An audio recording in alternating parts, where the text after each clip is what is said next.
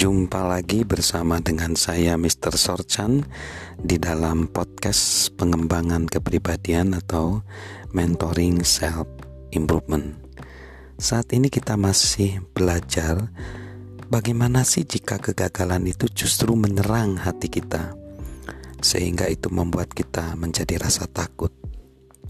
Coba perhatikan apa yang dikatakan penulis G.I. Packer. Dia menyatakan suatu saat kemenangan yang disadari akan membuat seseorang merasa bahwa setelah hal itu tidak ada lagi yang menjadi soal. Suatu saat, bencana yang disadari akan membuat seseorang merasa bahwa itu adalah akhir dari skalanya. Namun, kedua perasaan itu sama-sama tidak realistis karena keduanya tidak benar-benar seperti yang dirasakan. Apa yang terjadi dalam kehidupan Profesor Dr. Samuel Langley juga bisa terjadi dalam kehidupan banyak orang di zaman sekarang. Mereka membiarkan kegagalan menguasai mereka secara emosional, dan hal itu menghentikan mereka untuk upaya mencapai impian mereka. Marilah menghadapi kenyataan. Kegagalan itu sungguh menyakitkan, terkadang secara jasmani dan lebih sering secara emosional. Melihat bagian dari impian kita gagal sungguh menyakitkan hati. Dan jika orang mengecek atas perasaan kita yang terluka itu, semakin parah jadinya perasaan kita. Langkah pertama yang paling penting untuk mengurangi dampak kegagalan adalah dengan belajar untuk tidak mengambil hati pada kegagalan tersebut. Memastikan kita tahu bahwa kegagalan kita tidaklah menjadikan kita seorang pecundang. Namun, tidak hanya itu. Bagi banyak orang, kepedihan menanggung kegagalan membuat mereka untuk gagal. Dan mereka menjadi orang yang mengatakan, "Saya udah terlalu tua untuk menangis." Namun tertawa pun terlalu sakit rasanya.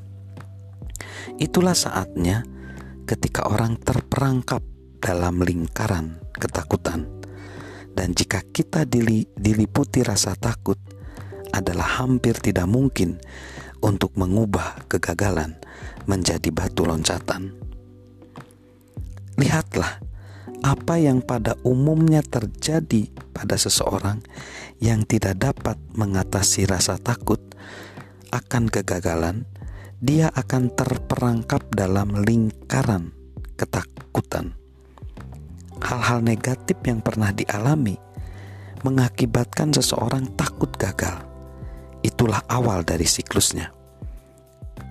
Umpamanya, katakanlah seseorang mengalami kegagalan sewaktu kecil mencoba menjual permen dari pintu ke pintu untuk mengumpulkan biaya di sekolahnya.